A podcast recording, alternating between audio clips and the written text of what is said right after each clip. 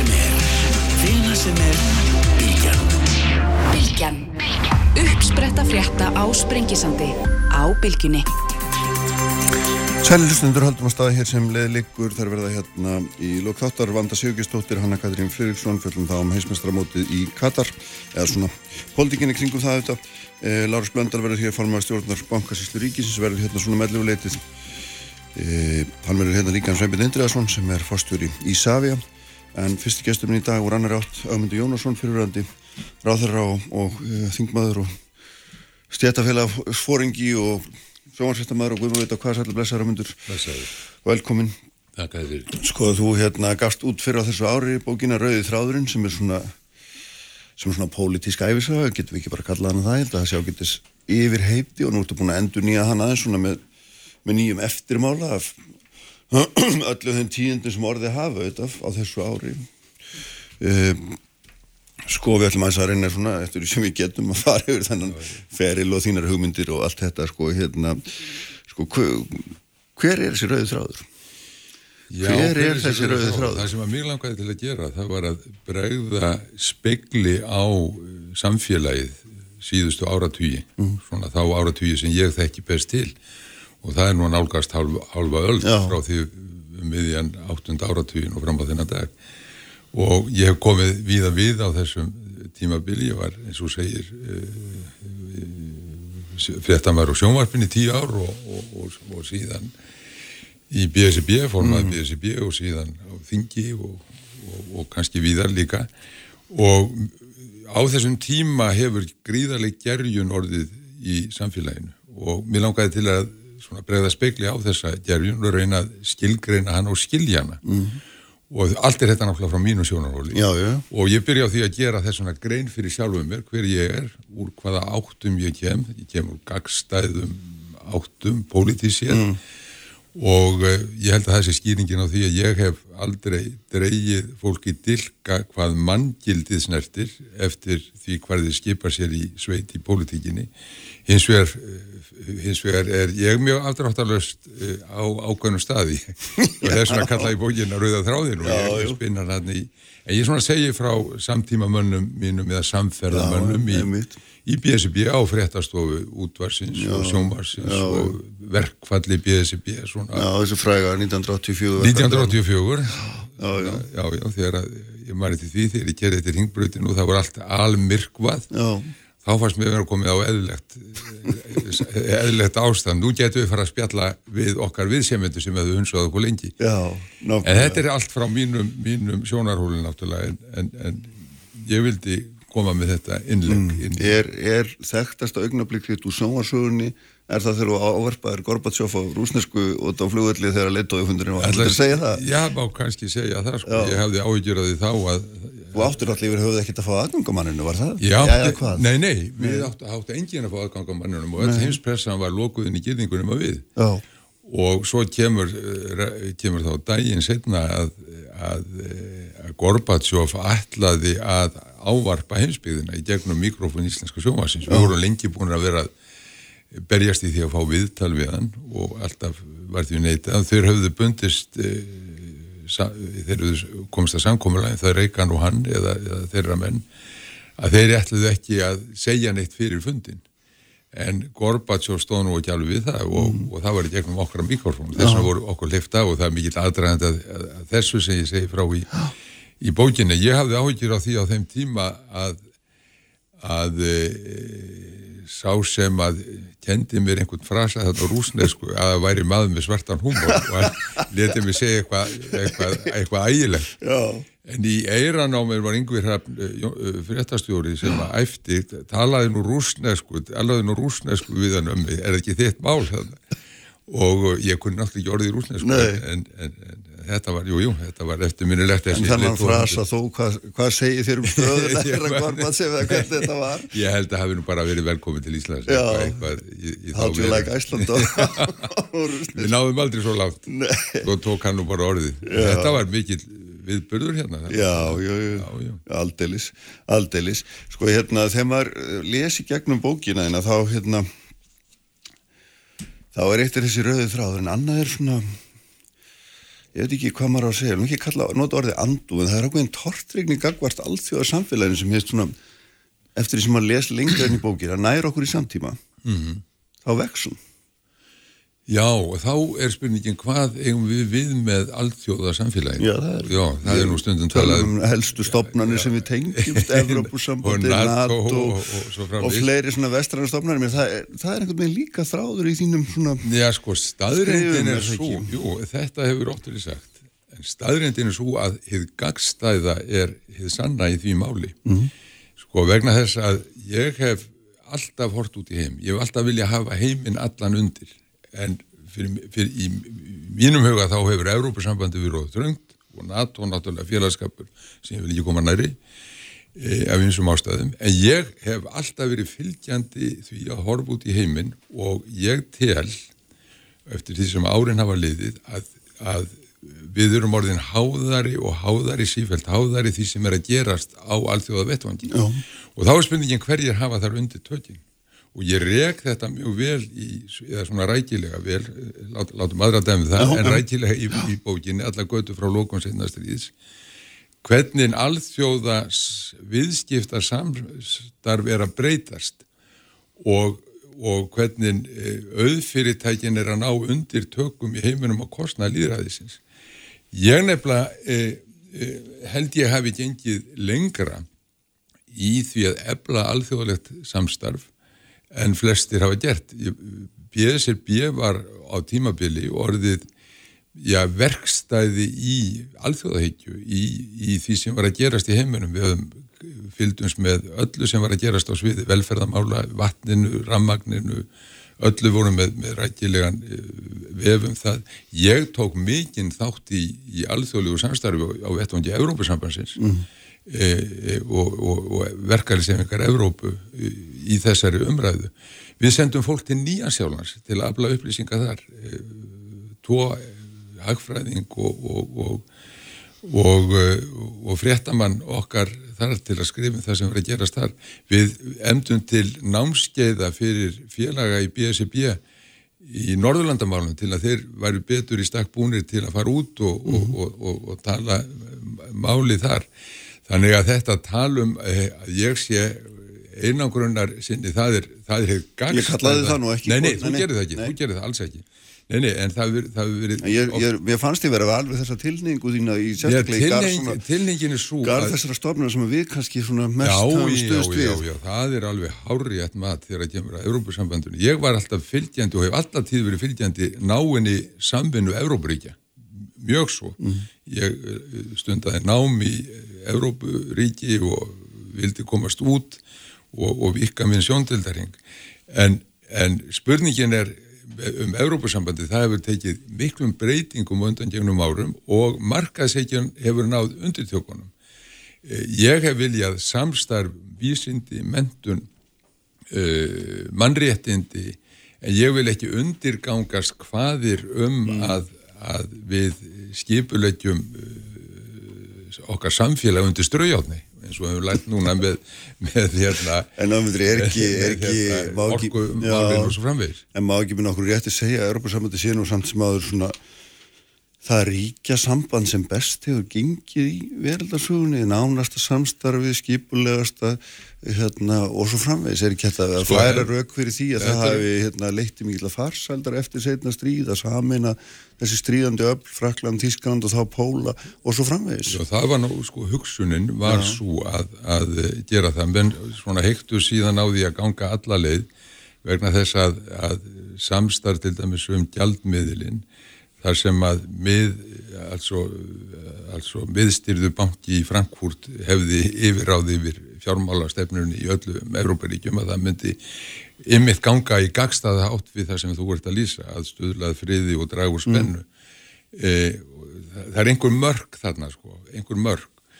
Og ég hef rakið það hvernig breyting verður á þessu á tíunda áratug síðustu aldar á alþjóðavísu þegar alþjóðavískiptstofnunin hérna e, kemur til sögunar og menn fara að beina kröfunni um samræmingu samfélagana inn í samfélagið. Áður var þetta tolla samstarf að, fella allskins múra og auðvelda viðskipti og samræma viðskipti. Og ég hef verið fylgjandi öllu þessu. En þegar kemur að hinnu að, að svona undirgangast hvaðir um að skipulegja allt á markaðsvísu þá ertu að fara að ganga á líðræðið mm. og ég er fyrst og fremst líðræðið sinni og þar hef ég Fjölur að markaðsíkja og líðræðið sé öllum mitri ósamræðan Já, getur verið það. Ef ja. við ákveðum til dæmis að markaðsvæða orkuna þá er það okkar ákveðin hérna ef að við verðum hins vegar að gera gegn okkar e, vilja mm. e, þá er það á kostna líðræðisins og það er þessi þetta jafnvægi sem að ég hef talið að hefði raskast með þróunum innan Evrópusambansins á síðan tíma. En það er alveg rétt að mm. auðvitað hefur Evrópusambandi gert ímsa e, góða hluti. Þetta, ef við slumum aldrei gleyma heldur uppröðunum, e, þetta, er, þetta eru gömlu nýlenduveldin mm.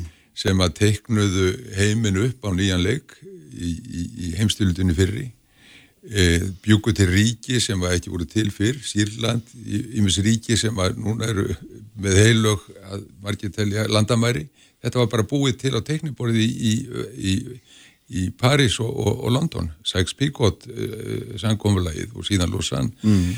þar sem að Evrópa, þessi gömlu ríki sem drottnuði yfir heimsálfunum, þau bara skiptu heiminum upp.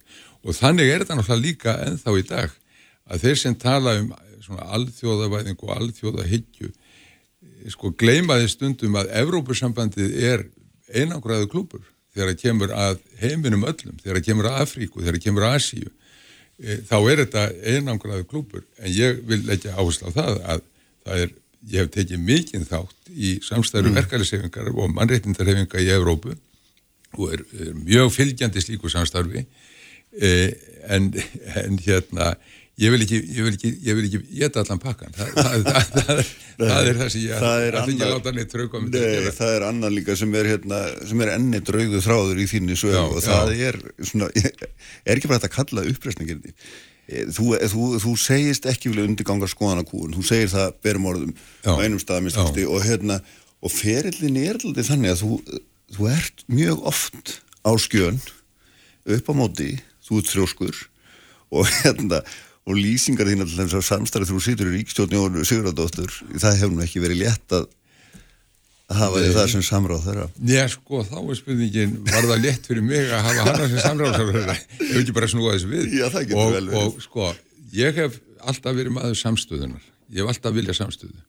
En ég en hef svo, en verður og hægur ég hef verið samstöðu um hugssjónir, um málefni um það sem þú lofar kjósendum. Mm og þegar að vikið er frá því þegar maður verða viðskila við já, náttúrulega samfæringu sína en hugssónu sína og það sem að hefur verið bóðað kjósendum þá er stend ég með, með þeirri samfæringu og mm. þeirri stefnu og En einhver spurning er þetta líka um málamiðlanir Já, sko, já, ég, ég, ég, Nei, hvað er það ekki?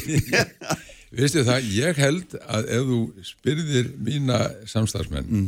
í BSB í stjórnmálunum og eða almennt þá held ég að fáir myndu segja að ég var mjög erfiður í samstarfi. Nei. það held ég að sé ekki reyndin. Það er, það er ekki það sem að það sem að fólk segir og ég á ekki erfitt með að virða skoðanir annar alls ekki. Þó ég sé harður á mínum skoðunum þá virði ég skoðanir annar ég vil skýra skoðanir og grundöldu líðræðisins er ymitt að menn tefli fram skoðunum og reyna að tala fyrir þeim og samfæra en, aðra um það. En, en, en þannig að sko ég hérna ég held að ég sé uh, maður samstarf sem ég læti ekki dvalta yfir mér og ég segi það, ég segi það í upphæfi bókarinnar, ég er blanda ár þrennu. Þar að segja ég er sosialisti ég, er, ég vil jöfnuð í samfélaginu. Mm. ég er frelsisunandi í anda John Stuart Mill þú átt að vera frjáls svo lengi sem þú skadar ekki aðra Já. þú átt að geta gert það sem þú vilt mm. eða þú ert ekki að trubla aðra og þá eiga aðrir að láta það í friði Já. og í þriðjalagi anarkisti ekki svo tegund sem hendir grjóti í fólk heldur e, er þetta gamla orð anarki úr grískunni að vera frjáls frá valdbóði og þetta er bara markmið stjórnmálan á að vera líðræðislegt samfélag þar sem að enginn segir öðrum eða ráðskast með en sósialism er í eðli sínu ákall um mjög mikla miðstýringu, stert Sko, ríkisvald já, Já. hefur verið það sko, Já. það sem að hefur þannig að þetta er enn einn þversögn. Nei, þetta er Nei. eitthvað þversögn þess að, að sko, það sem að við lærðum af hérna, kommunismannum það var þegar að átti að, að, að sagt, framfylgja bóðorðunni með valdi. Það, það gengur ekki þess vegna er, er verkefnið er að færa hinn pólitíska pendul til í samfélaginu þannig að samfélagi láta ekki stjórnmálamenn komast upp með það sem þeir eru að gera, hafa verið að gera. Og ég vil byggja þetta allt á, á líðræðislegru hugsun og líðræðislegu starfi. Og það sem að eh, hættan sem stafar að okkur núna er mitt valdbóð er yfirleitt rítskoðun er yfirleitt stýring en það eru bara aðri sem eru fannir að gera það það er alþjóða auðvaldið sem að er að reyna að taka yfir hefur alltaf reynda náttúrulega en, en við vorum með anspyrnu frá frá jafnaðmannarreyfingum frá úrpolítikinni svo andstaða á heimsvísu hún hefur farið dvínandi og það er hana sem ég vil endur vekja mm. Og, og, og stöðla að og hefur barist fyrir alla mína, mína tíð. Já, þarna, ég vil langar svo að nefna eitt við að það er mjög skemmtileg dæmi og, hérna, og dæmi um svona hvað þú ert já, svona staðfastur ekki orðað þannig fallega að það er núbómálið Já. þegar að núbó ætlaði að kaupa maðurvalli þessi kínverk, það er kínverska ljóðskáld sem var, hérna, var nú mjög dölafull maður og, og ríkistjórnin sem það varst í fórsettisráðurann og fleiri voru áfram um að þetta gengi eftir þegar við þyrftum elenda fjársting og það veri stefna ríkistjórnarin og, og svo framvegis. Og þú varst eins og við frétt á ríkistjórnarfundi á þriðu degi og sagði ég, ég ætti að taka ákvörðunum málið og lest ekki til að sækja að þér. Svo á föstasmóninum þegar fórsettisráðurann ætlar að fara að ræða máli við þig þá réttur þú búin að þetta með grunaði hvað í vændum var nefnilega. Já. að það er reynd að, að koma í veg fyrir þetta. hvers konar samstarfsmaður er þetta sem bara gerir svona undir vegna þess að þetta mál var á mínu borði já ég, átt, ég skil það alveg en, en þið eru að ræða þetta en, en, Já, en, já, en, nú skal ég segja já, já, en nú er spurningin um eitt. Já, sko, skildi ég hafa verið eintrjáningur þarna á ferð? Aldeilis ekki ég var í fullu samræmi við þjóðarviljan og náttúrulega í fullu samræmi við mína samvisku og í samræmi við það sem að svona er að verða eh, ríkari hugsun svona síðar meir og í, í dag að við um að reyna að passa upp á auðlindir landsins og landi sjálft að reyna að halda eignarhaldinu innan, innan landsteinana og að við ráðum yfir okkar landi. Þetta er allt spurningum líðræði. Þetta er allt spurningum líðræði að afhenda ekki auðmönnum eignir okkar og eignir það þjóðar. með eignarhald til dæmis bretans rattkliffs á ámódölum Alveg hrikalegt. ríkalegt Já, hrikalegt, alveg frálegt. Hann á að vera velkomin hinga til að skoða gullfoss og geysi og, og Mm. renna fyrir lagsi. Það er bara besta mál og má eiga sína sumabústæði og svo framvegis en hann á ekki að hann á ekki að kaupa hér upp heila landsluta gera menna leigulegum og, og, og sko þetta skiptir er bara máli hvaðan menn koma þegar það er gert þér það? eða Ég er þetta að- bara spurningin Nei, um að kapitalið fá ekki aðganga sko, ég- nú segja menn, það er allir kapitalistar vondir og slæmir og, og alltaf sumir segja þetta. Og alveg sama hver, hver, hvaðan þeir koma það skiptir ekki, ekki máli. Ég held nú að það skiptir svolítið máli. Ég held að nálægðin skiptir máli. Ég held að hafi skipt máli að Bógesen í Sálku Völku hann var á sínum stað sko, og í kallfæri við hanna ég held að það skiptir máli. Ég held að, að maður sem að eh, hefur tengslinn við sjávarútvegin í gegnum kauphöllina í, í, í Frankfurt eða London og New York eh, hann hafi annars konar sín en sá sem að er á staðinu ég held það, ég held að skipti máli e, e, nálægðin við þá sem að fara með eignina, ég held það. Já, akkurat En, það er, en auðvitað er þetta bara fólki sem að á að, og við almenningu sem á að fá til dæmis sjáaröðlundina í sínar hendur aftur, kvotan heim, hérna inn, inn, inn fundaröð sem ég stóð fyrir, hérna fyrir já. þegar COVID tröflaði okkur. Já, já, nákvæmlega og hérna, hvað hétt svo, svo fyrsta sem hún fórst eftir, í eftir að hérna, þinginu lauk var ekki endurskoðun, róttæk endur, róttækra endurskoðun Jú, þetta var fundaröð Já. sem að, að hérna, ég eh, emdi til í Til Iðnó róttækra fyrst og skoðunar hérna nú Já, til ég róttækra fari- skoðunar, fari já, nú það var allt mögulegt, sko, það var heima almenning aldraðra Já. og, og, og, og ástandið í Ertu og... róttakari núna að þú varst þú varst yngri, finnst þér? Já, það er menn telja ymsir að menn verði hérna, Róttakari um, rótækir ungir og svo dofni allt og, og ég held að sé öfugt. Ég held að sko gamalmennin þau getur svakalega rótæk vegna þess að þau skinja að tímin er á þrótum Og notum, liggur á. já, þegar við notum orðið róttakni, það höfum gerðnan gert, þá höfum við talað um vinstri róttakni, við gerðum það á svona hefbundið, en róttakni getur auðvitað alveg verið einhverstaðar annars, það er þetta snýst auðvitað bara um það, einhverjar, maður vilji sjá miklar breytingar á skömmun tíma, það myndi ég telja að væri svona vera róttækur. Já, róttæk. Er það ekki það sem þú varst að leita eða ég, hvað? Jú, ég, ég held að það sé rétt hjá þér að, að sko, þetta hefur verið kent við vinstri stefnu en þarf ekki að vera það ég eh, tel að róttækni þegar ég hugsa málið Mm. núna í því ljósi sem að þú bregður á það að róttækni er að vera tilbúin að skoða hlutina, sko, skoða heið viðtekna ofan í rótina, niður í rótina að endur með þetta og það er að vera róttækur. Það, hitt er að berast með strömmlum og það er minnsemt okkar tíma að við látum allt of mörg berast með strömmlum og þegar ég ákvaða að stíga út úr pólitík mm. stopnarnapólitík Já. þá ætlaði ég aldrei ekki að stíga út úr pólitík. Ég ætlaði að geta bara eh, hætta að hugsa og tala og svo framvegis en ég ætlaði að gera þetta öðruvísi. Steg út úr stofnanapolítikinni og fór út í þjóðfélagið að tala um málefni sem að brenna á samfélaginu eða ætti að brenna á samfélaginu og reyna að örfa til umræðu.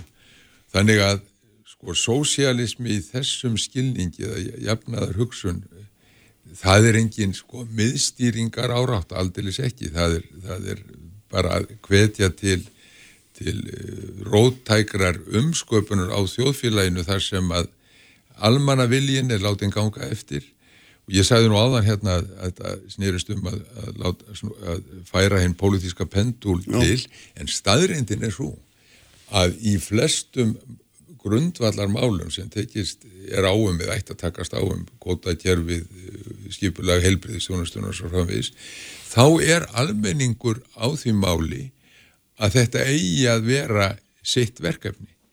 Það eru hins vegar stjórnmálinn sem hafa fjallast hennan almanna vilja um of og þau, það eru þau sem að þurfa að taka sér svolítið saman í andlitinu. En, en ef maður horfir yfir einhverja ára tíu og þess að sem þú ert kannski bara bú, ert að fjalla um svona cirka það tímabil, þá getur við alveg sagt sem svo að almenningur hefur ítrekað fengið umboð til þess að velja sér sína fulltrúa og þeir hafa valið þá mjög skipulega sem að hérna, aðhyllast svona þetta blandaða markashagkerfi Jú, jú. sem við allir vesturlönd hafa aðhyllst Jú, og upp úr því hefur byggst líklega mesta velferð sem að sögur fara af.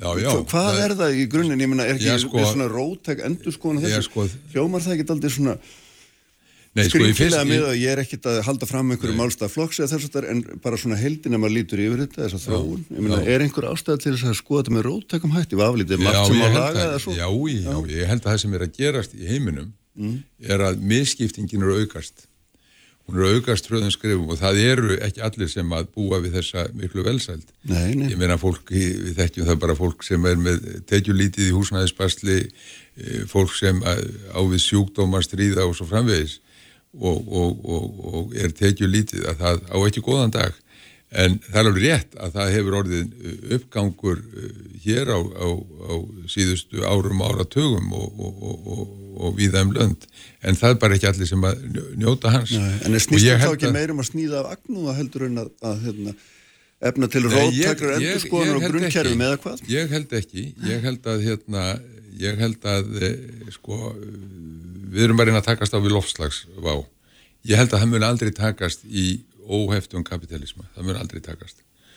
Uh, þú ert að fara að ræða hérna um Ísafi á þetta. Já, Sko, hverjir er það sem stýra því hvað gerist hér í, í eh, ferðabransanum? Ég vil taka það fram að ég er hlindur ferðamennsku Já, og, og, já. og, margt mjög gott sem er að gerast þar.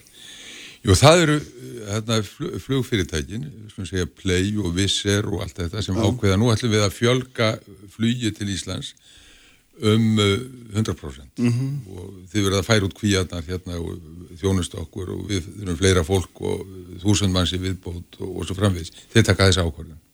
Hvað þýðir það fyrir þig sem skattgreðend og okkar samfélag? Það eru þúsund íbúður. sem þurfa að koma til sögunar. Samfélagið er alltaf að bregðast við ákverðinu sem eru teknar hjá bara örfáum einstaklingum. -hmm. Svo erum við að bregðast við, svo koma börnin í skóla, við þurfum að sjá fyrir skólanum og helbriðstjónastunum. Ég er að segja að þjóðfélag sem byggir á óheftri útþenslu það mun aldrei takast á við þennan uh, að gagni við, við, við lofslagsvandan mm. það mun ekki gera það og þau eru að fagna öll allt því pólitíska litróf og alþingi fagnar hagvexti alveg sko bara mm. skilir í slöst indislegt að fá aukin hagvext og meiri hagvext en á sama tíma þykjast þau ætla að draga úr umfangi losunar.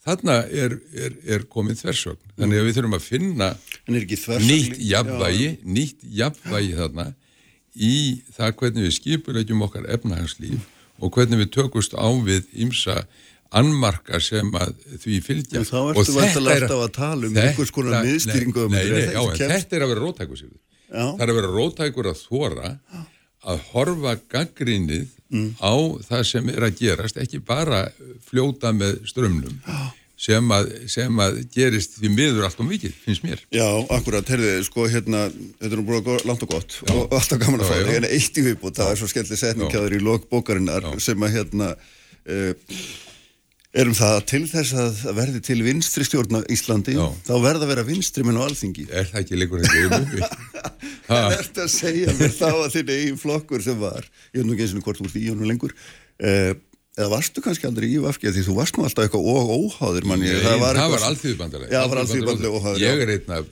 af stofnendum Vafki og, og, og, og reg það hvernig, hvernig við Þú vandar þeim nú ekkit sérstaklega hverjurnar þar Já, ég vanda hugssjónu vinstir hefingarna græns frambóðs hverjurnar Já, en ekki um fólkinu, ekki við... fólkinu. Jú, ég tala, vistu það, það sem hefur ég sagt um þessa bók? Já. Það er að hún, þetta sé velvili bók. Já, og, en ég er ekki haldið ég... fram að hún sé ílvili, það er ekki þannig en, Nei, en, en þú ert að... mjög svektur með hvernig þetta fer út og það heldur að vera svektur með fólki og ekki svektur með stefn Nei, sko, ég, hérna, ég held að þetta sé ég held að þetta sé velvili bók og það sem að þú, þú segir að, að svona kom einhverjum svona einhverju kom illa út úr því sem þannig gerist þá er það vegna þess að ég er bara að rekja atbyrðið sem átti sér stað. Mm. Ég, ég er ekki að, er ekki að tala illa um En eins og það er upp frá mínum bæjadirum já, já, já, ég er náttúrulega að gera það frá mínum, mínum bæjadirum en ég gera það ekki á ílvilliðan hátt, held ég. Nei, nei, en, ég, ég var ekki að saka um það heldur. nei, Það er alveg rétt, það er alveg rétt. Þegar við stopnöðum vinstirheiminguna mm. grænt frambóð þá gerðum við það vegna þess að til var að verða samfélgingin svona krata fólkur og við vorum mörg óanað með það út af hverju, út af NATO út af uh, svona óheftri markaðsíkju, degri við Európusambandi og svo framvegis. Ef þú styrtar öllu þessu niður, þá náttúrulega hefði þetta liðarspor verið óþart. En ég tel að nú þurfum við menna að hísja upp um sig. En er vafkja ekki vinstriflokkur í þínum huga? Já, ég orska, orska ég segi nú einhverstaður þarna að, að, að, að það sé áhaldun að hvort þetta stitta nafnið og, og sleppa vinstri og, og grænt og segja bara reyfingi frambóð. En nei, ég, það sem ég vil... Jú, það stendur auðvitað þegar reyfingin HF. Já, já, ég, ég er að segja það, ég er að segja það. Og ég er að segja að pólitíkin, hún verður að, það er hún sem að verður að þóra endur með þetta sig á rótakanátt vegna þess að það er rétt sem ég segi að til að mynda vinstri stjórn að vera vinstri menn á þingi og ég kem ekki auða þá. Nei. Gott og alveg Bestu þakki fyrir að koma. Takk. Sveinbjörn Indregarsson verður hérna eftir augnablík fórstjóra í Savia Kraftmikil umræða alla sunnudaga. Sprengisandur á bylgjunni. Sprengisandur á bylgjunni. Sælir aftur hlustundur haldum hér áfram. Ömdi Jónasson farin frá mér. Þær verða hér í lokþáttar Vanda Sigurgistóttir og eh, Hanna Katrín Freiriksson eh, Lára Splöndal, stjórnarformaður eða formaðstjórnar bankasíslanu verður hérna líka á eftir. En hinga komum góði gestu sem er Sveinbjörn Indriðarsson sem er fórstjóri í Savjar, hættu blessaður, velkomin Takk fyrir, takk. Uh, Fyrir nokkrum árum þá hérna var gríðalög vöxtur í íslenskri ferðarþjónustu raun og veru kannski að ég manda rétt svona cirka 20% frá ári til árs í mörg ári rauð og, og hérna menn sá ekki fyrir endan á þessu. Og svo kom þetta COVID og allt laðist af en núna er við fann að svona rétt að vera lúkútnum getum sagt að umsviðinur er farin að aukast verulega aftur og, og, og þið eru nýbúin að gefa út nýja farþegarspáðar sem að við erum nú nánast bara komin á fyrir COVID stað, ekki satt. Jú. Er það ekki svona bara það sem blasir við? Jú, jú, það er bara það sem blasir við og, og þetta er nú það sem að maður þorðið valla að hugsa sko hérna, ég maður alltaf eftir í sko kannski sömarið 2020 þegar óvissum var sem mest í, í COVID sko það blundaði svona alltaf einhvern veginn í manni að, að hérna COVID er ekkert að fara að breyta landfræðilega legu Íslands Nei, nei. eða taka sem sagt út sko hversu aðlægandi Íslandi sem áfangastæður nema síður sé og það er einhverju það sem er að gerast Mhm. og hérna og það sem er svolítið bara stáverð að stilla sér bara þannig upp að þessi heimsfaraldur hann breytir raun og verið ekkert heimsmyndinu okkar þegar kemur að ferðamennsku annars verður ferðamennskunum til og frá Íslandi og hins verður möguleikum Íslands sem sko tengi staðar milli Evrópu og, og, Norður Ameríku mm. að við erum svolítið bara þar og, og hérna er við bara að keira, er bara meiningin að keira á sama mótilinu og fyrir COVID getur maður sagt vegna að það var alls ekki hérna óundilt. Þessi, ef að kalla stjórnlausi, stjórnlitli allavega vöxtur var nú hérna, nú allavega sko. Já, sko, ég myndi ekki ganga svo langt að segja sko að vöxturinn hafi eitthvað dæmt mótili. Að sko mótilið er óbúslega mikilvægt og hérna, og reynda gott úrskildir er meitt nefna það því að sko þetta tengi mótil, það er tengi mótili sem setur leggur grunninn að þessum flugtengingu. Og við sem eiland, hérna, pínlítið örland með mm. örhagkerfi, hérna í Norrallasafinu að við þurfum virkilega á þessum tengi möguleikum að halda flugtengingum bara til þess að viðhaldi sem hagvösti og sem sagt, e, aftur á móti að það sem gerist á árunum fyrir sé það COVID eða, eða fallváir það byrja náttúrulega aðeins fyrir fallváir og það fann aðeins að slakna á.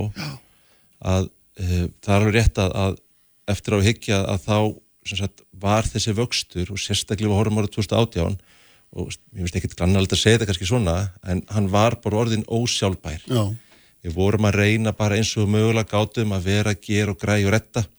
Það datt inn hérna einhver eftir spurn og, og við reyndum að búa til pláss og, og finna eitthvað hotni í flugstöðinu til að Já. koma fólkinu í gegn. já, En við alltaf höfum líka bara að dreigja lærdum að því. sem er þá hver? Sem er bara, það, sem bara hver sá að sagt, mótilið virkar. Mhm. -hmm. Og sem sagt, en Mótilið þá ert að tala um Keflavík bara sem, sem tengi tengi stöð milli heimsálfa. milli heimsáluna Já, og hérna og sem sagt, auðvitað eigum við líka að horfa til þess að við verðum að gefa fólki sem kemur til Íslands tækifæri til að koma og skoða landið okkar og ferðarþjónustin er aftur orðin mikilvægasta, ekkert mikilvægasta hún er hún stæðsta mm. stóðin í íslensku hagkerfi. Það gerðist fyrir hérna eftir bankarhörun þá kemur ferðarþjónustin og raunur dregur hagkerfið út úr sko legðinni það er að gerast aftur núna eftir COVID. En það þýr ekki það að vöxtur negi bara að vera stjórnlaus. Og það sem er að gerast núna til dæmis á næsta ári að hérna, þetta er þriðastæðsta árið okkar. Næsta ár verður það ef að sporganga En það sem við erum að sjá aðeins muninu næsta ári er, er sá að við erum að fá til dæmis að kepla ykkur flugulli þá erum við að dreifa umferðinni meira yfir daginn. Og við erum aftur komin á þann stað að vera koma í Ísland sem heils og áfangastað þannig að við erum að fá hluta af trafíkinni yfir veturinn og svo þessum jaðartímum. Þannig að dreifingin er betri. Þannig að þetta verður fyrir okkur að kepla ykkur flugulli þá verður þetta e, auðveldara það verður þröngt, við vitum það alveg. En svo horfum á, á, hérna, á, á hinanliðina peningnum að þá erum við með sko erlenda ferðamenn en við erum ekki ráð fyrir því að þeir verið 2,2 miljónir já, samanbúrið við rúmlega 2,3 miljónir 2018 já, og þá var líka þröngt að þingja á Íslandi. Og við skulum heldur ekki gleyma því að Asi er lókuð svona meira og minna, sérstaklega Kína.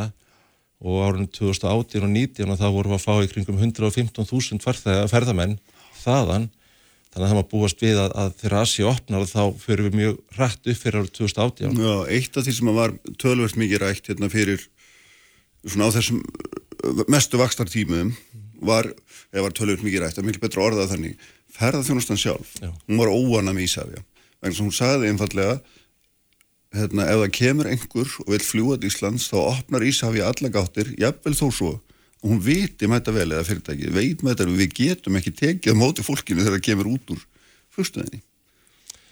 Já, ég nú alveg viðkjöna það, ég hef nú ekki heyrt þessa, þessa umræðu því það sem hefur verið sko til þess að þá er nú ferðartjónustan fagnir því þau verið að koma með talað, en, en, En- en þarna sko- var ákveðið svona skortur á, á samtali.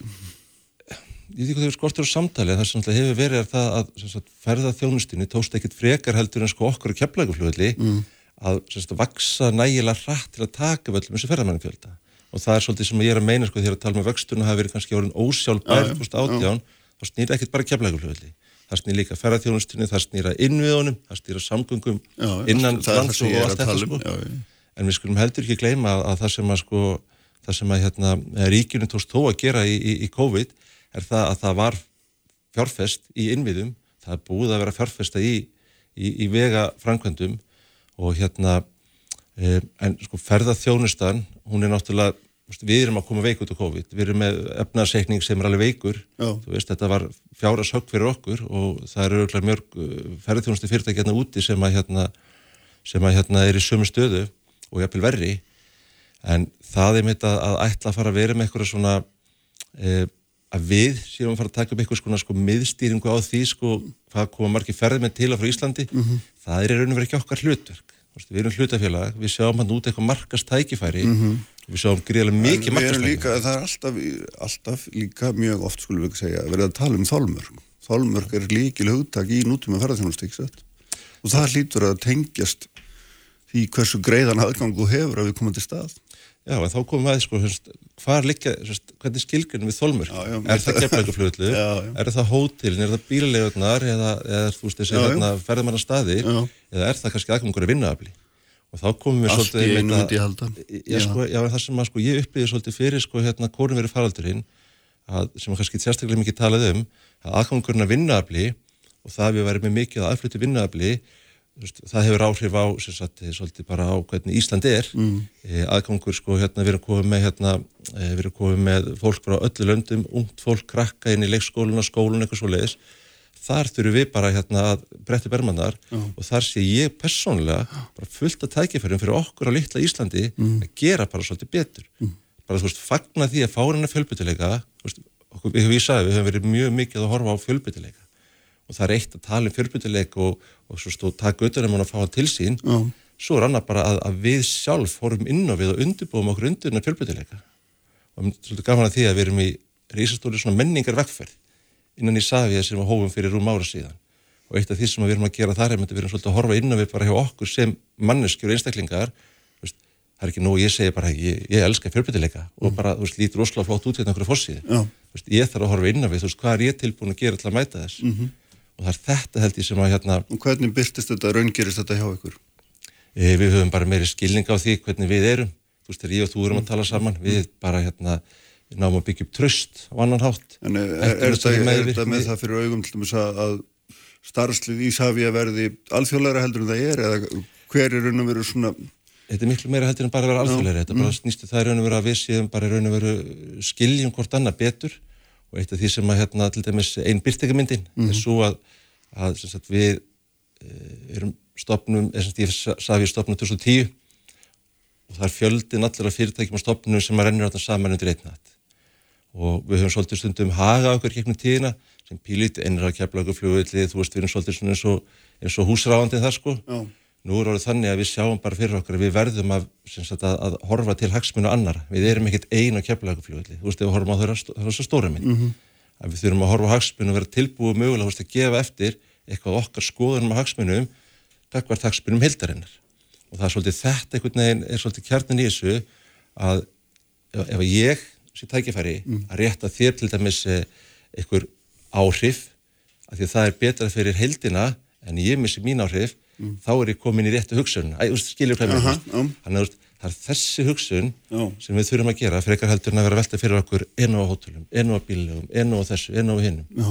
fyrir Íslenska ríkið, hvert á fjármagnið að fara þú veist, ef að veginnir eru orðnir betri þá þarf kannski beina fjármagninni að byggja upp eitthvað annað í innviðunum hvort sem það er í mentakerfinu eða hjá leikskólunum sem er alltaf hluta mentakerfinu eða, eða hvernig við tökum á móti ælundi vinnuafli og svo framvegis og framvegis skilir mig En hvernig er sko hérna, af því að eitt af því sem að við erum aftur í hérna, umræði fyrir COVID þá, og þegar var verið að tala með tengiflugu, þá voru líka menn líka mikið að velta fyrir sér samkemmistöðinni Já, hvernig hún væri og mikið var talað mikið, ef ég mann rétt um langdrægari flugvilar sem að væru í bígerði að væri að koma og myndu ekkert þurfa að lenda á Íslandi. Og það var talað um held ég var ekki Norwegian eða eitthvað af þessum félögum sem að væru að fara í að fljúa bara beint yfir yfir alltaf sæðið hvernig horfið þetta? Ég sé að það er allavega á þessum farþegartölum þá verðist þetta hérna ekki vera raungirast Nei, sko eða hvað?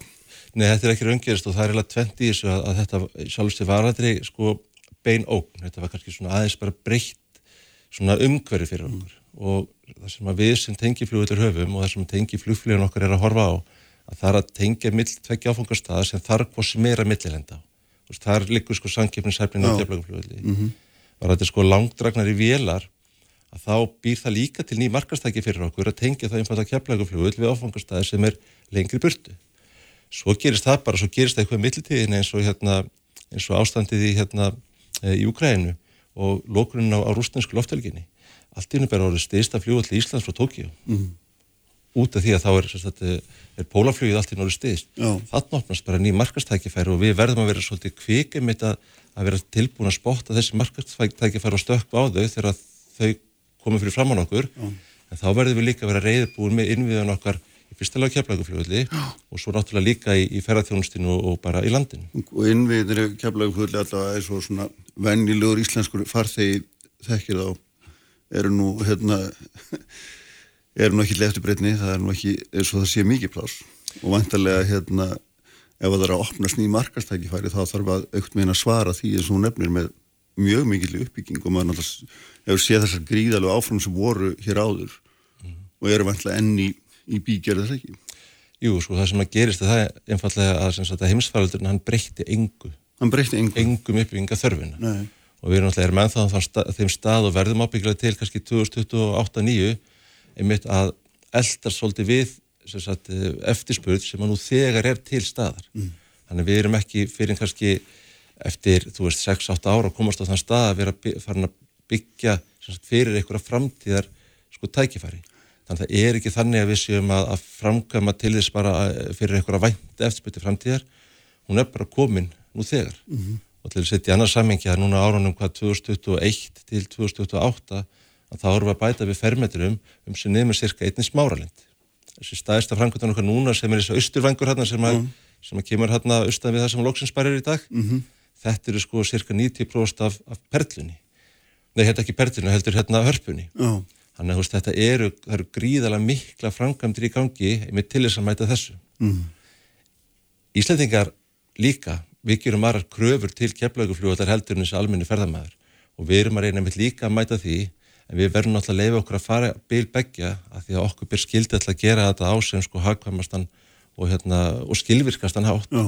Þegar kemur að tengistöðinni að þá er skilvirkun þar sem skiptir öllu máli því flugfljóðin þurfa að geta komin og lend og farið á réttum tíma sama bara með flugfjölu sem er að fljúa til á frá Íslandi það líkil aðrið fyrir þau að geta komist frá keflaguflutu réttum tíma því þau eru búin að koma velin í vinnu annar staðar þannig að þetta er óbúslega margir þræði sem við þurfum eitthvað að ná að þræða saman mm -hmm. og eitt af því er að sjálfsögða hérna, að, eh, að við íslitingar sem erum að ferðast um flugstöðun okkar að við upplifum það að, að, að við séum þar á heimavelli og það sé tekið vel á mót okkur mm -hmm. En eh, leiðu við tölum með þennan, hérna, þennan mikla vöxt sem er augljóst og þú segir að síðan hafi raun og veru þegar raungerst. Þá erum við líka í miðri umræðu um loslasmál.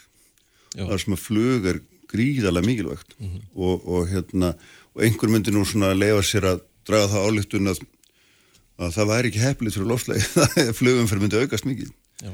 En þessar áallinir allar, það er ganga ekki í, í takt við loslasmálinn, þau eru þert á mótið sko það er ekki, ég myndi ekki segja verið þvert að móti það sem náttúrulega gerist í því að, að og, og, skulum, aukin umsvið já, sem að bundin eru í arðarnæðsnætti ganga náttúrulega þvert á loslasmarmi, ja, það, það segir sér sjálf 100% já. en í grunninn, ef við byrjum kannski aðeins á einum endanum að við sem náttúrulega Ísland við erum líka svolítið bundin af bara alþjóðlegum uh, samningum, þetta er með slottfélag samningum öru þannig að það kemur flugfélag og vill fljúa til Íslands mm. og það er plássakeflæguflugli þá eru við ekki að segja nei við því.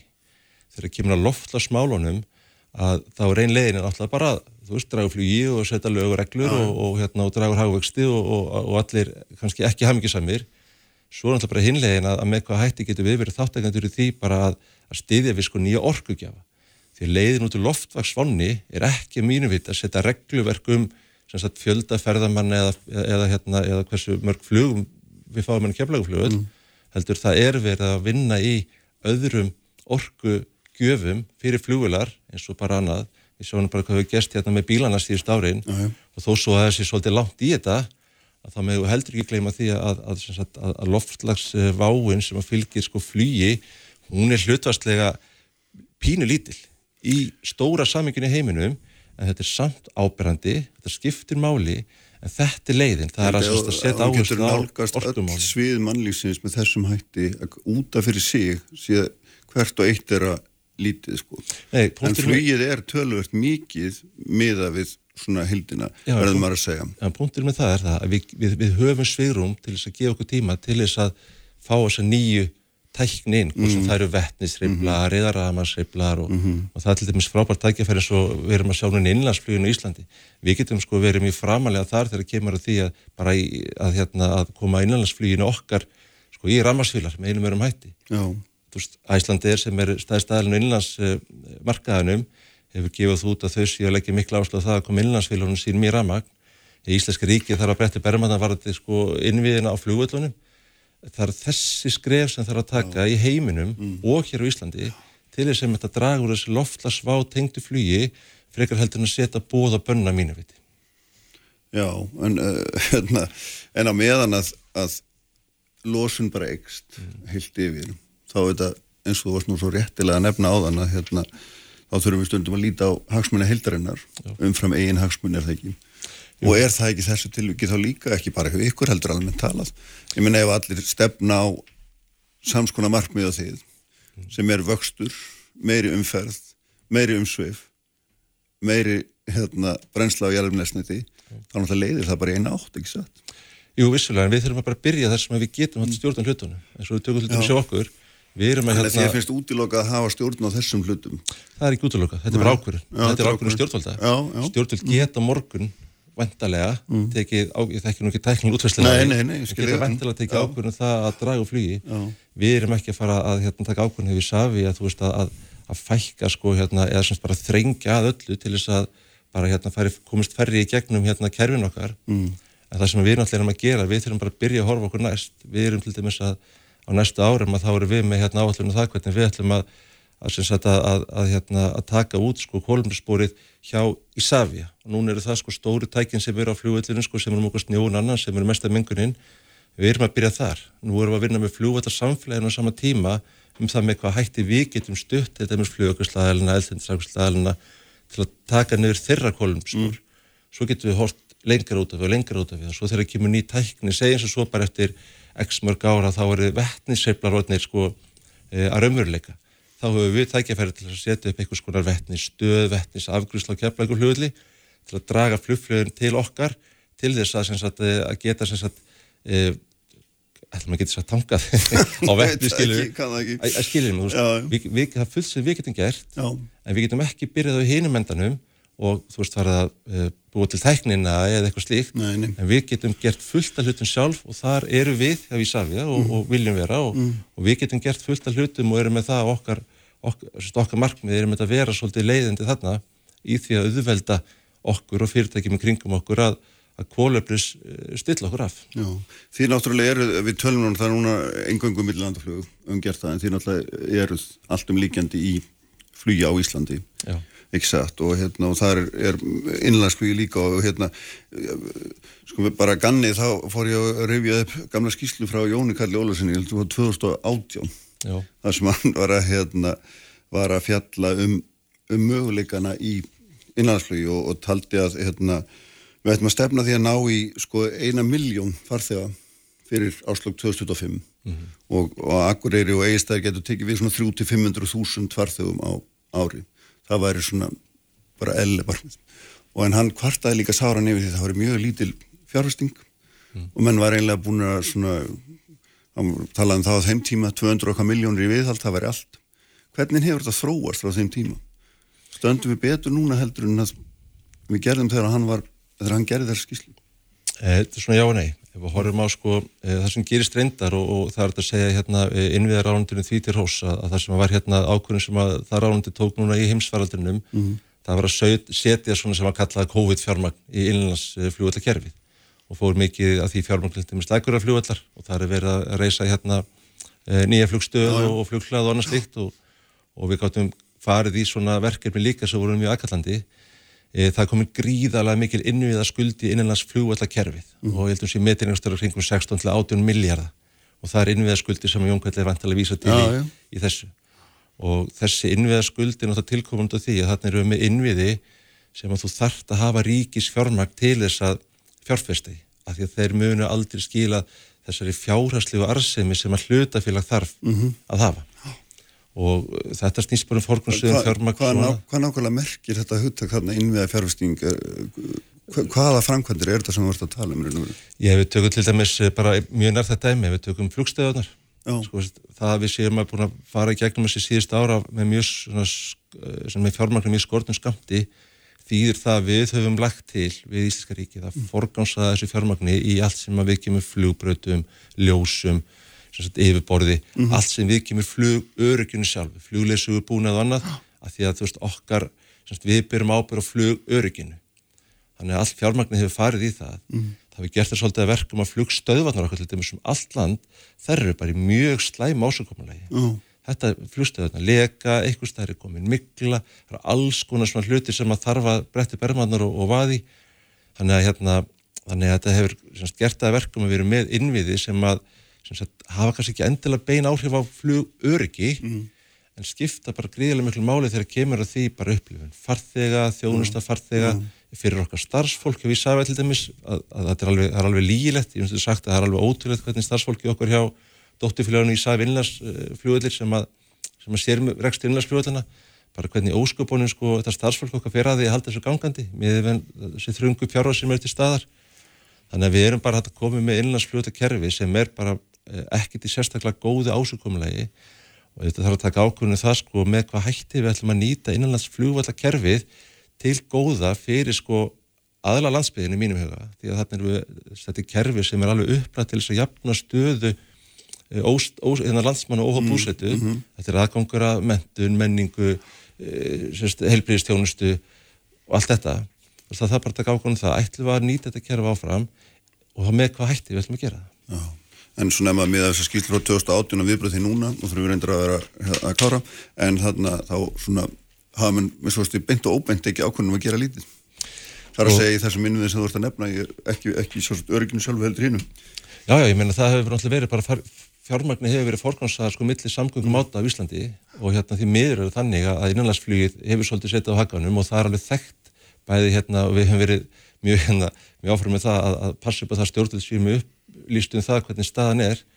En hérna en í mínum huga að það þurfa að gera betur þegar kemur innanlandsflugtakerfinu þetta er gríðilega mikilvægur samgöngum áti og við talum ekki um þegar, verður, búið að rafvæða innlandsflugið að þá viljum við mögulega bara frekar að fólk fljúi heldur en að keiri bara kakvað sko umferðis, reyna umhverfis sjónumjónum eins og komst inn á hann Nákvæmlega, Sveinbjörn Indriðarsson, bestu þakki fyrir að koma. Takk fyrir, og hérna verður gaman að fylgjast með ykkur í þessari miklu uppbyggingu sem framdannir. takk fyrir það takk fyrir Lárus Blöndal, uh, formastjórna bankasýslunar er hérna eftir augnablik. Vertu með okkur allan daginn. Þetta er Bilgjan Sprengisandur. Á bylgjunni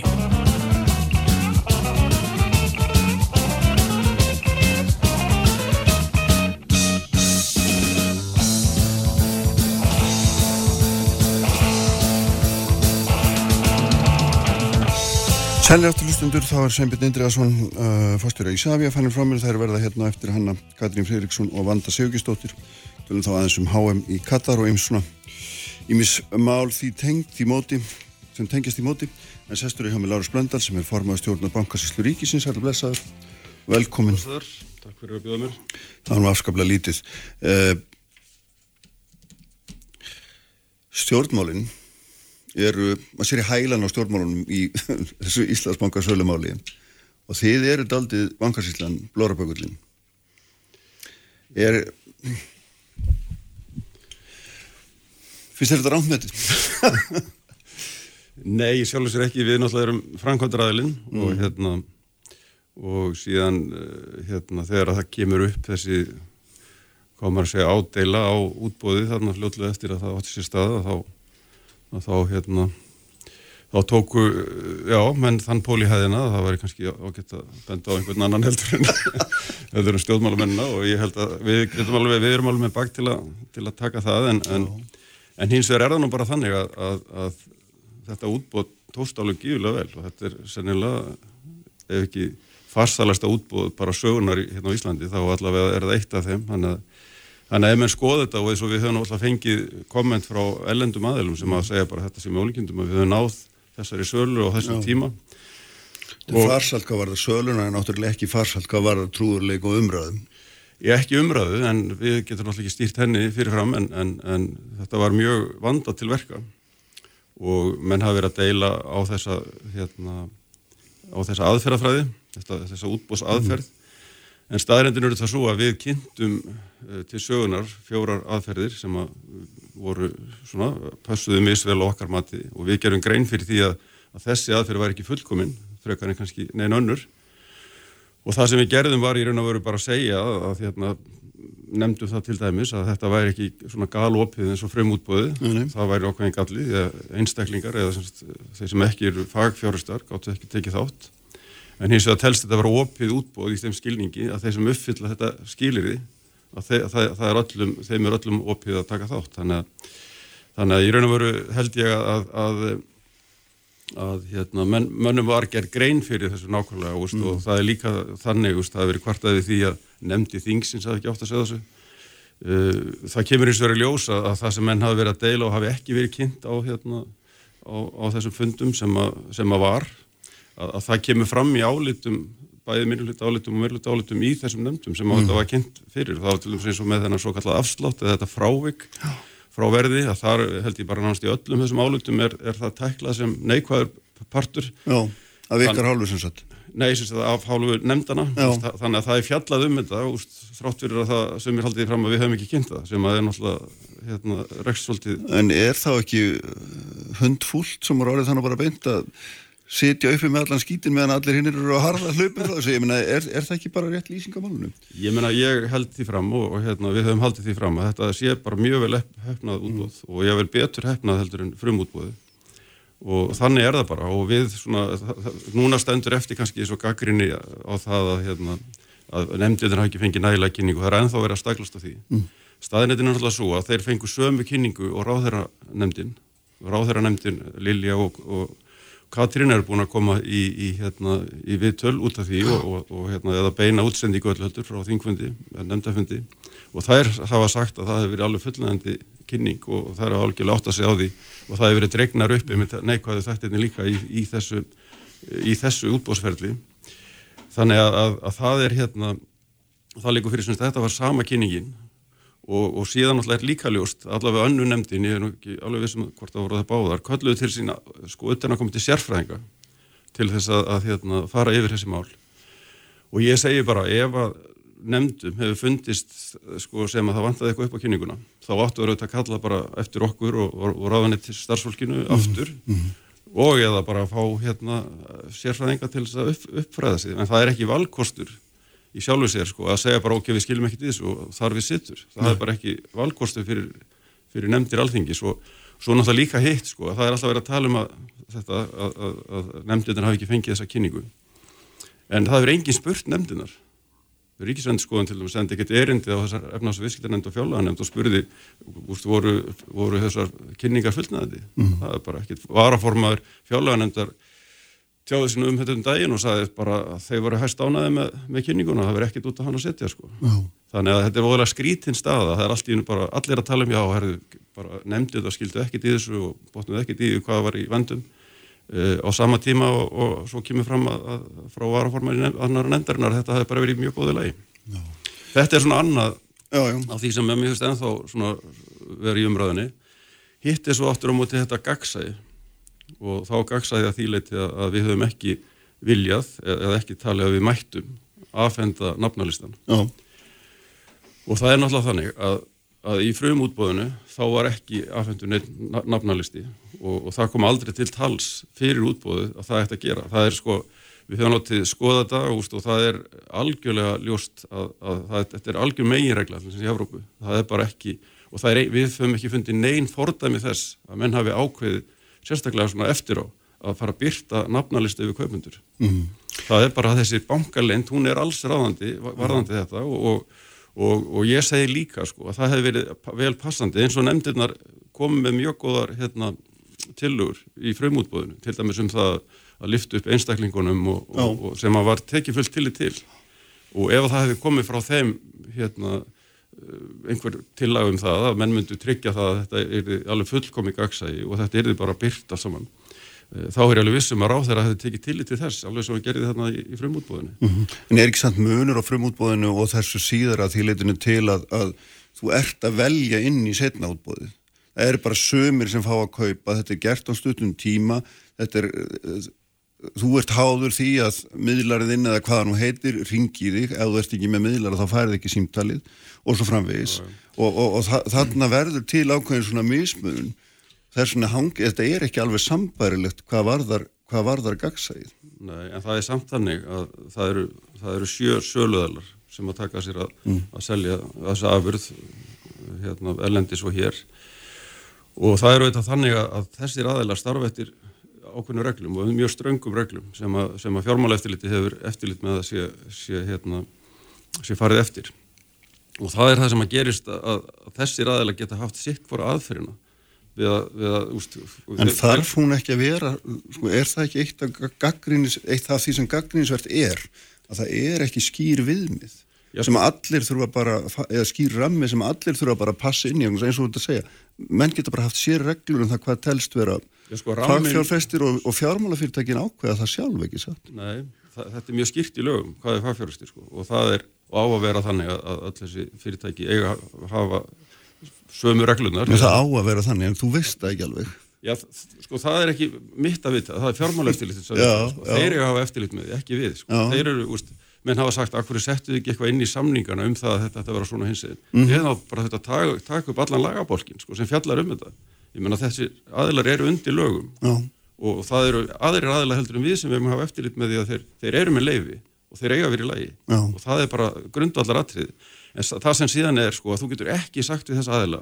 því þeir eru faktist í samkefni og þú getur ekki sagt þeir verið að samhæfa vinnubröðin hjá þeim. það er bara, það er bara gengur enga við nei, þannig að þið gætuð ekki, ekki, hefðu ekki átt að þínu mati eftir á að hyggja, setja einhvern ramma Jú, sem- rammin er settur, það er bara fagfjörustir eða, eða hæfur fjárfestir Já. hann er skilgrendur í lögum og það er bara, úst, þeir, þessir aðila vita það alveg upp á sína tíu nákvæmlega hvað, um hvað það Mhm. En nú eru þarna inni einhver arf á dæmi um vissulega en það eru þarna inni starfsmenn fjármálafyrirtæki svo dæmi sér teki, eru engin fagfjárfistar, þetta eru bara launamenn. Já, ég, svo sem hef ekki neinar upplýsingar um það, en ég segi bara, úst, þetta er ekki okkar. Við verðum, að, sko, það er... En það fjármál- sýnir, þetta það sýnir okkur það að það er pottu brotin, eða hvað finnst þið Já, sjálfum um það það? ég, nú þekki maður það, ég hef ekki sko, upplýsingar nema bara á fjölmjölum í raun og veru. Ég hef bara heyrt þetta, ég hef heyrt það reyndar að Íslandsbanki hafi breytt reglunum sínum eftir á. Jú, það hefur komið fram Já, já. en, en ég veit ekkert og ég hef, þe- þekki ekkert til hinna fyrirtækina og, og, og, í hvaða mæli þetta hefur gerst. Auðvitað geta alltaf gerst einhver mistök, en, en reglunar, formið er algjörlega klárt. Það er, mm. það er þú, til þess að geta haldið svona útbóð, þá þarf viðkomandi að vera fagfjárfestir eða, eða hæfur fjárfestir sem þýðir í raun og veru, að hann, hérna, hann þarf ekki sérstakka kynningu.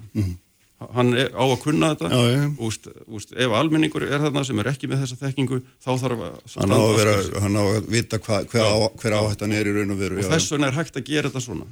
Og, og það er í raun og veru verið að taka sko vend, það er vend á almenningi. Úst, það þarf að hafa vitt fyrir þeim að mati lögjafans en það þarf ekki í akkvart fagfjörustöð þannig að það er verið að taka vendina Já. þannig að það á ekkert sérstaklega að vera eftir svona verð að þykjast vera fagfjörustir En, en þú segir að þið eigi ekki að eftirlit með þessu og það er auðvitað alveg ljóst að það er ekki skilgreint lagalhutverk eða þannig. En, en ég myndi svona sem formaða stjórnar bankarslunar vera frekar forvitin um þetta. Hvernig Já. stendur á þessu? Ég væri búin að taka upp síman hugsa ég og ringja og er spyrja og þú eru það. örglega gert það, ég trú ekki öðru. En það breytir því ekki að ég fæ engar upplýsingar þess að þetta er náttúrulega, þetta er í rannsókn að hálfu. Er, það er í gangi rannsókn hún er búin að standa síðan í vor og, og það er gert ráð fyrir að koma eitthvað út henni sennilega núna í janúar. Mm.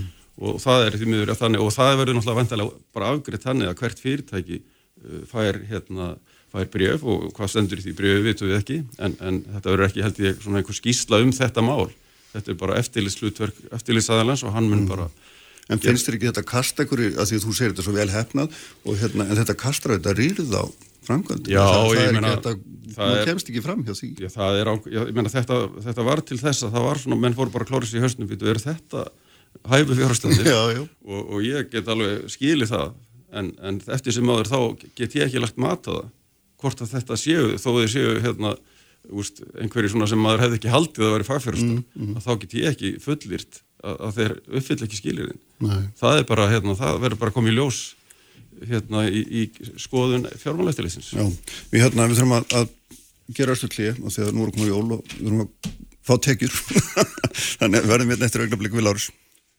Sprengisandur. Alla sunnudaga á bylgjun. Bylgjan. Fréttir fyrir alla og besta tónlistin. Fréttir þjóðmál og pólitík. Sprengisandur á bylgjunni. Sælir afturhustundur, hann er hérna þá hjá mér hann Lárus Blöndal uh, formastjórnar bankasýslu ríkisins, Hanna Katrín Freiriksson og Vanda Sigurgisdóttir verði hérna eftir sko það er hérna hann svo margt í þessum máli og við komst ekki yfir það allt en auðvitað kjarnast þetta aldrei mikið um, um þennan kaupendahóp sem að hérna, fjármálur á þeirra ákvæmum sjálfur að, að byrta og þú- því telji að þið hafi ekki heimil til þess að lögum og þá eru lögum um bankalind. Og hérna kemur í ljós auðvitað að fæðir hans er meðal kaupenda og, og hérna og ég nennu ekki að fara eitthvað með hérna að nýta í þá feðgaðan eitt þessar og engin ástæða til þess fyrir.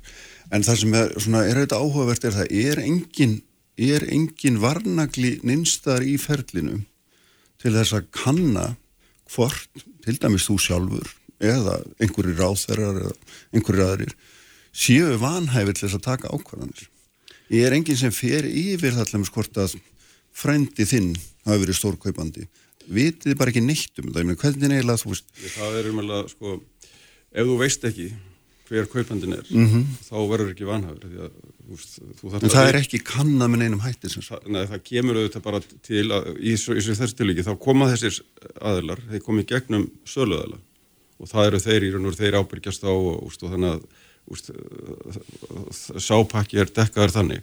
En síðan náttúrulega ef það kemur upp að þú sér hérna herðu, þetta er fyrirtækið hans pappa míns eða úst, að þá, að þá, þá þarf þetta að skoða hæfið þitt sko.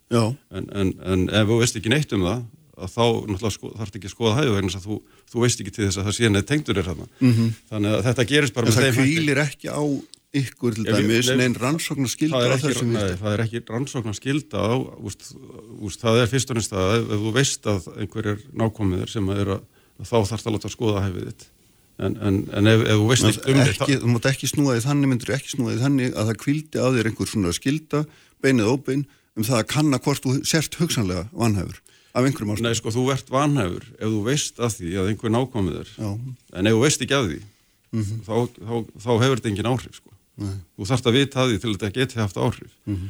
og það er nákvæmlega það sem að, hérna, sko, gerist að það er við, ég reyndar sá aldrei þetta nafn sko, þetta, þessa fyrirtæki svo það hefði ekki þekkt það inn í vei sko.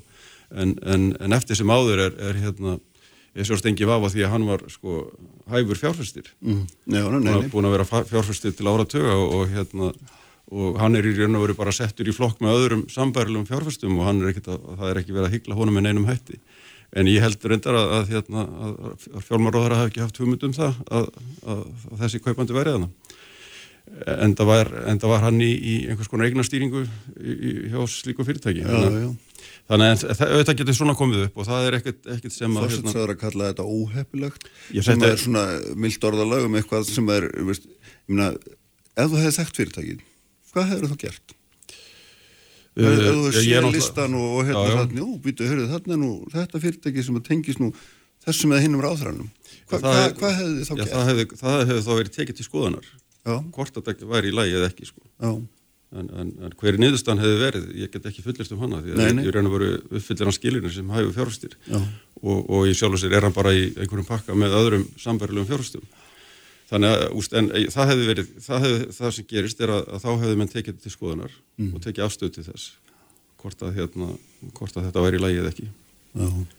Og það hefði myndur þetta, en minna, er, blasir það ekki við þetta sé, en finnst þér ekki blasa við að þetta sé, þetta sé svona utan við það sem eðlilegt er?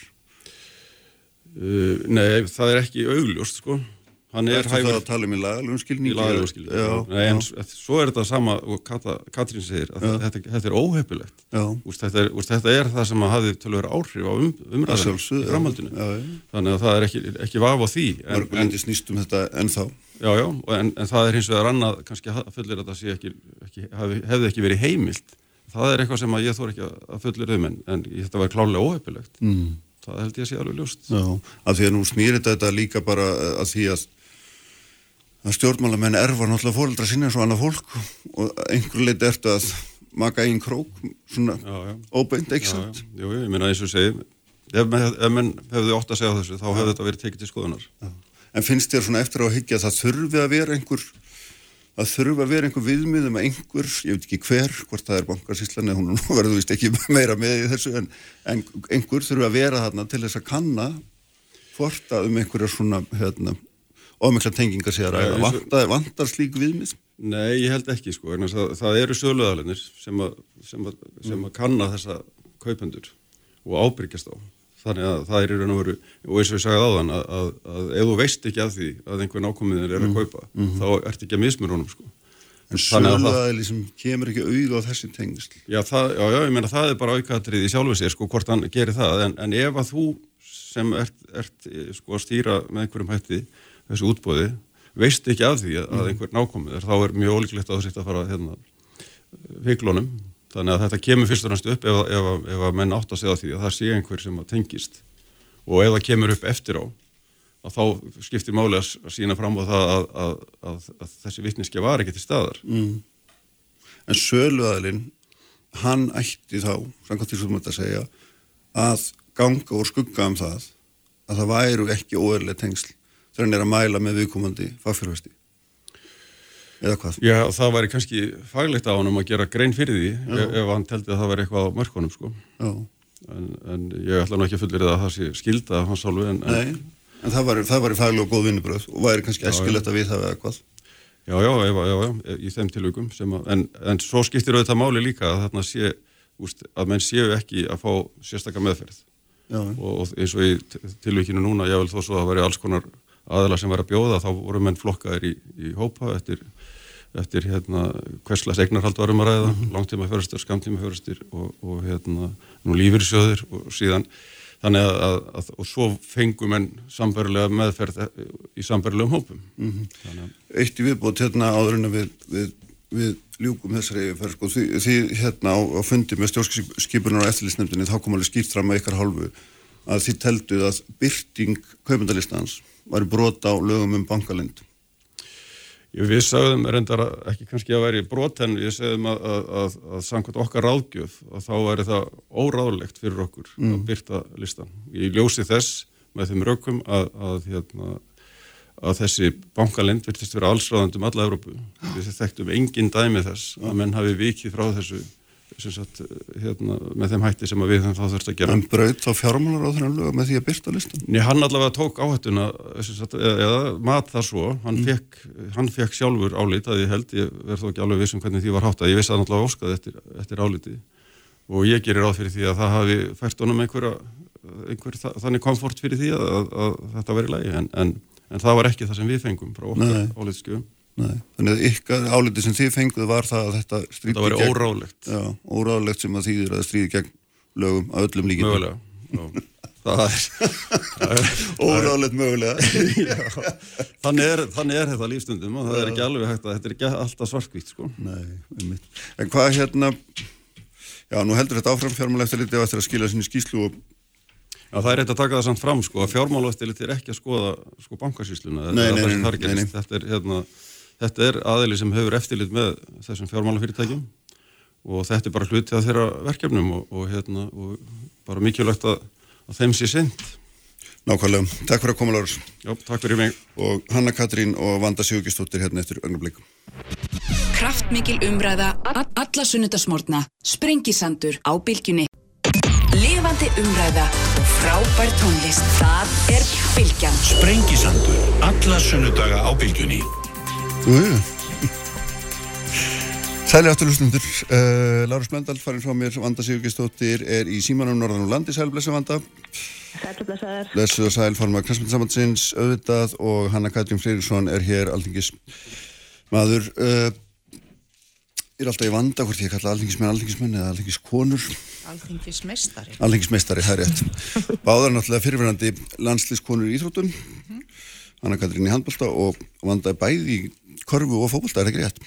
Jú, það er alveg. það er hárið. Heyrðu, að þessum formálaloknum, sko, í Katar, Vanda, þú varst náttúrulega þarna og, hérna, og, og þekkir allt uh, þetta umtal og, og líka gaggrín á ykkur fyrir að að hérna ríf ekki meiri kjáft út af þessu og, og segð okkur aðeins frá því þú varst þarna í hérna og þessar miklu deilur stóðu yfir milli fífaðalega og svona þessar stóru sérsambanda hérna, sérstaklega kannski tíska sambandsins. Hvernig var andrúslóttin?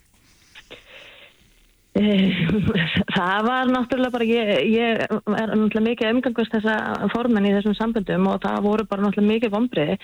Þegar við leggjum á stað til Katar þá vitum við ekki betur heldur en þessi sjölönd væri að, ef við verum að tala um fyrirliðaböndin, eða ekki? Já, jú, til dæmis, jú. Já, já, já, já, þá vi- vissum við svo sem ekki betur heldur en þessi sjölönd væri að fara að vera með þau og svo einhvern veginn fer þetta bara hann að sólaring fyrir e, hérna, fer þetta einhvern veginn allt eins og þetta fór og það bara, voru bara mjög mikið vonbreiði fyrir okkur og bara alla sem voru þannig kringum Norðurlöndin til dæmi sem við náttúrulega erum í miklu samstarfi við þannig að, já, það er bara þannig Mm.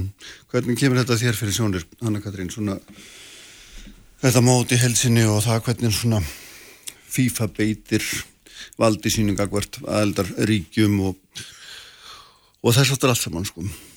Ég held að, að, ég ég get fullirt að, að hérna akkurat þessi þessi svona loka atbyrðir um, sem vandir að lýsa og viðbröð FIFA þar hafi verið svona loka nikkurinn í, í langri röð svona ákvarðana sem FIFA tekur sem eru verið umdelaleg um, ég menn þetta er náttúrulega 12 ára ferill frá því að- Katar er valið og, og auðvitað hefur sannlega ekki farið lengt öll þessi mál sem varða möguleg mútubrót og, og, og það eru dómar og það eru uppljóstrinnar og einhver áhrif hefur það haft til hins góðs líka uh, varðandi það hvernig FIFA hyggst hyggst standa að uh, svona vinnu í framtíðinni. En það sem gerist sem sagt uh, í aðdraðandur síðustu skrefin eh, eru eiginlega algjörlega ólýsalega og maður hugsa bara sko að því þetta framan að var þetta einhvern Katar og öllu mannreitindabrót sem þar eru og bara þessi harka hvernig þessi land er stýrt og þessi hluti sem eru bara skjön við það sem við þekkjum úr svona vestrannu líðræðisvíkjum hvernig komið fram við fólk og svo framvegis. Og síðan hinum minn hefur það verið fótboltaheimurinn og þar með tali FIFA. Mm. en svo gerist það einhvern veginn og loka skrifum hann fyrst FIFA færi sig bara yfir, yfir skurðin, yfir til Katar sko. Og er komin í stríð við aðeldafélagin sín sem að eins og vanda lýsir ætluðu sér þó að nýta sér þetta plattform til þess að taka afstöðu og það er náttúrulega eitthvað sem hlýtur að eiga eftir að hafa einhverjar afleðingar fyrir þetta þessa heild sem FIFA er, stjórnskipulægið og ekki engungu þá persónuleikund sem nú ráða för heldur bara hvernig þessum mm. samtökum er styrt í framtíðinu, hvað aðeldafélag ætla að ganga langt í að sætta sig við uh, þessi vinnubröð. Hva, hvað heldur um það vanda? Mun þetta hafa einhver áhrif eða mun glemma þessu bara? Hvernig er þetta? Nei, ég, ég vona þetta, ég vona sannlega að þetta hafi, hafi áhrif af því að hérna, ég satt nú bara á milli þíska og ennska forma sem þannig í opnuleiknum og þar sem að var verið að ræða þetta fram og tilbaka þá voru ný komin að þess að fundi þar sem að þau fá þessa tilkynningu þar sem að þau eru, raunin þingu til þess að hérna, hætta við og, og, og, og það voru allir mjög svektir og fúlir, þjálfararnir, leikmennir og, ekki síst líka bara hérna, stjórnur og formenn og starfsfólk þannig að Já, mér finnst þetta sérstakt, en mér finnst kannski líka mjög mikilvægt að taka fram sem að ég, veit ekki hvort allir viti, en það er að, að fyrstulega er náttúrulega búið að breyta allu varandi val og þjóðum. Þessum að þegar Katar var valið á sínum tíma, þetta stjórnfífa nú er ekki þannig lengur, allar 211 þjóðurnar núna, sagt, eins og þegar Bandaríkjum, Mexiko og Kanada voru valin, þá er það þannig, það er allar þjóðurnar sem velja. Þannig að það var eitt af því góða sem að, sem að gerðist kannski svona í kjölfarið, en En Norðurlöndin eru sérst, alveg frá 2015, já 2016 er fyrsta ferð Norðurlandana til Katar.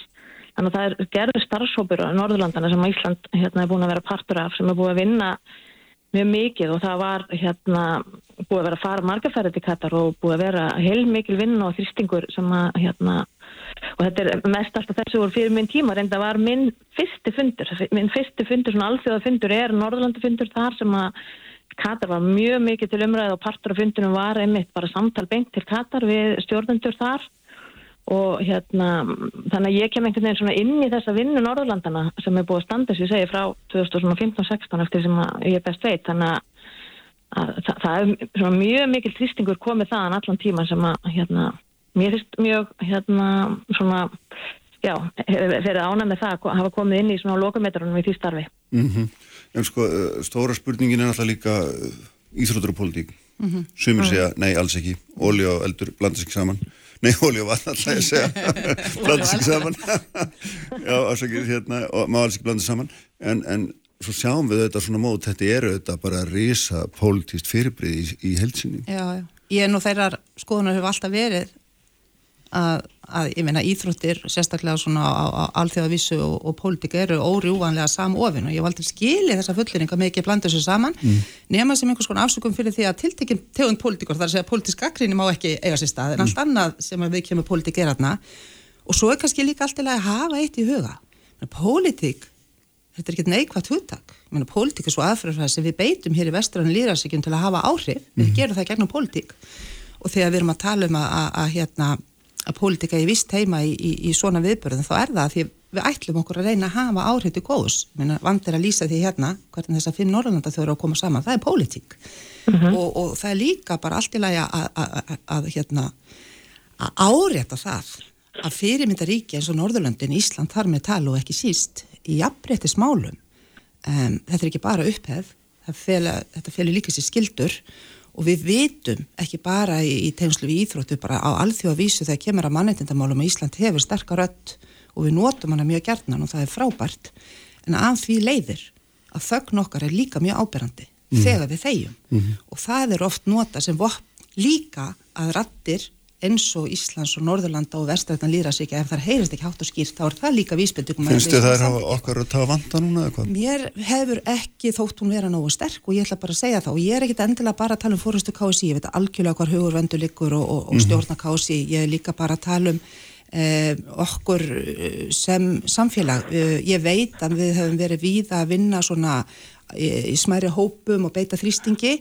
en hitt eru þetta staðrend að því að þjóðins og Katar er að beita auðafum sínum og tengslum, svo ég notur ekki sterkar orð, til að fá svona heimsviðbur til sín, til að baða sér þeirri jákvæðu aðtegli sem því óhjákvæmulega fylgir, þá er það auðvitað líka neikvæð alþjóðlega aðtegli sem virkilega getur hérna, skipt máli mm -hmm. til hins betra.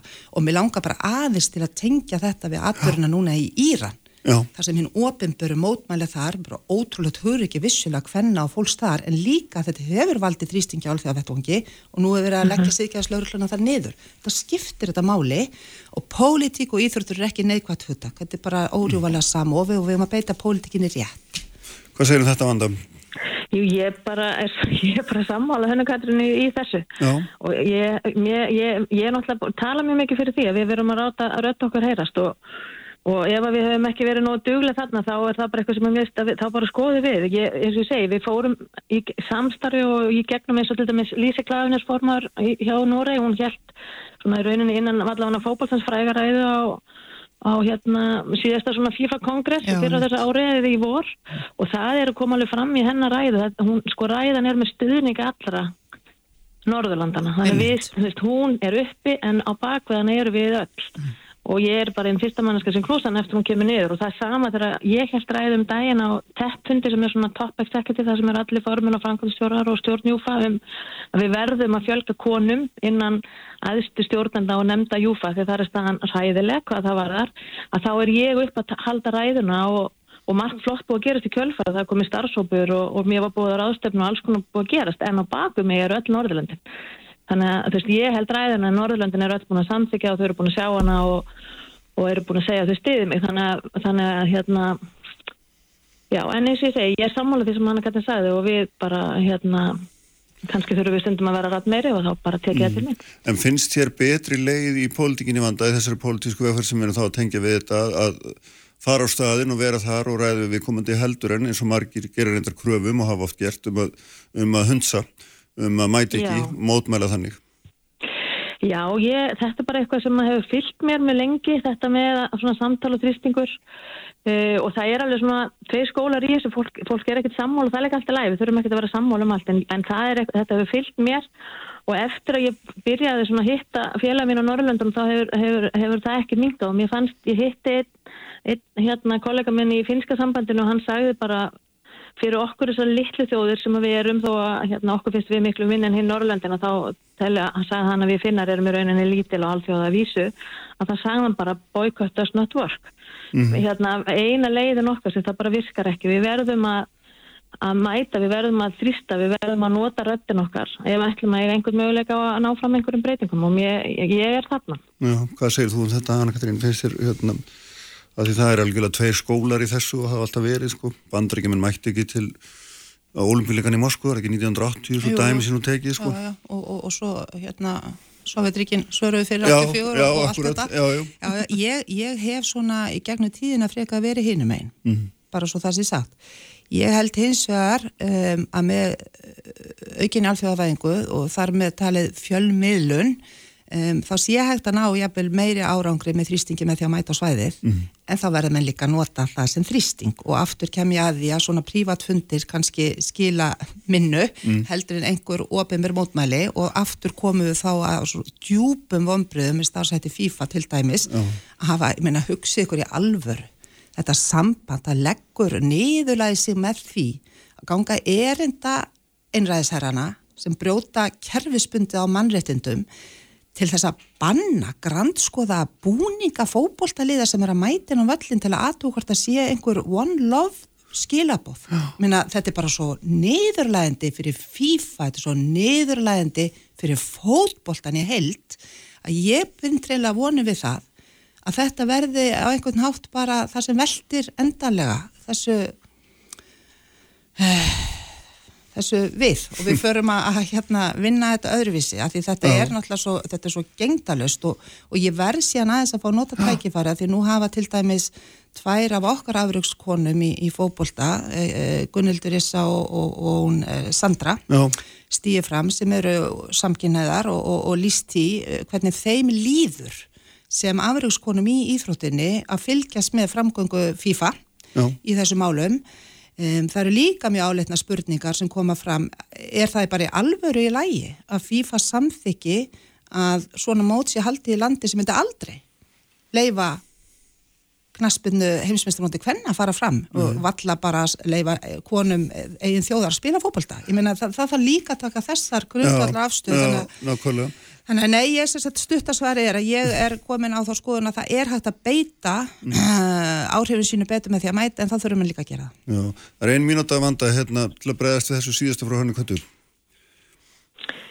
Já, ég veit ekki alveg hvað, hvað ég á að segja. Ég meina þetta er það sem maður var reynd að gera. Það voru e, á sama tíma við vorum til dæmis úti að sinna knaspinlegum erundu sem að við eigum að gera líka bara samkvæmt lögum KSI og allt það. Það voru líka ýmsir fundir, það, þessi, þessi starfsópi sem Norðundi sett að stað. Júfa tók hann yfir af því að hann var að skila góða márangur þannig voru svona óskaði Júfa eftir að fá að í rauninni taka yfir hennar starfsóp og það voru ýmsir fundir hérna úti, það er á meðal með ILO DOHA sem er International Labour Organization og það voru Human Rights og, og þannig að svona sama tíma að verið að tala um fókbalta þá, þá var, var þetta allt saman í gangi og svo kom alltaf þetta með, hérna, með fyrirliðaböndin þannig að hérna Bara við verðum að Þetta hætta hérna ein, Já, ein, nota röddina sína, ég er sammála því Já. Nota röddina okkar og, og, og sí- sendum sterk skilab og ég er bara sammála því ein já og nei spurning. Mun þetta breyta FIFA þessi, þessi hérna, þessi, þetta, má- þetta mál allt saman?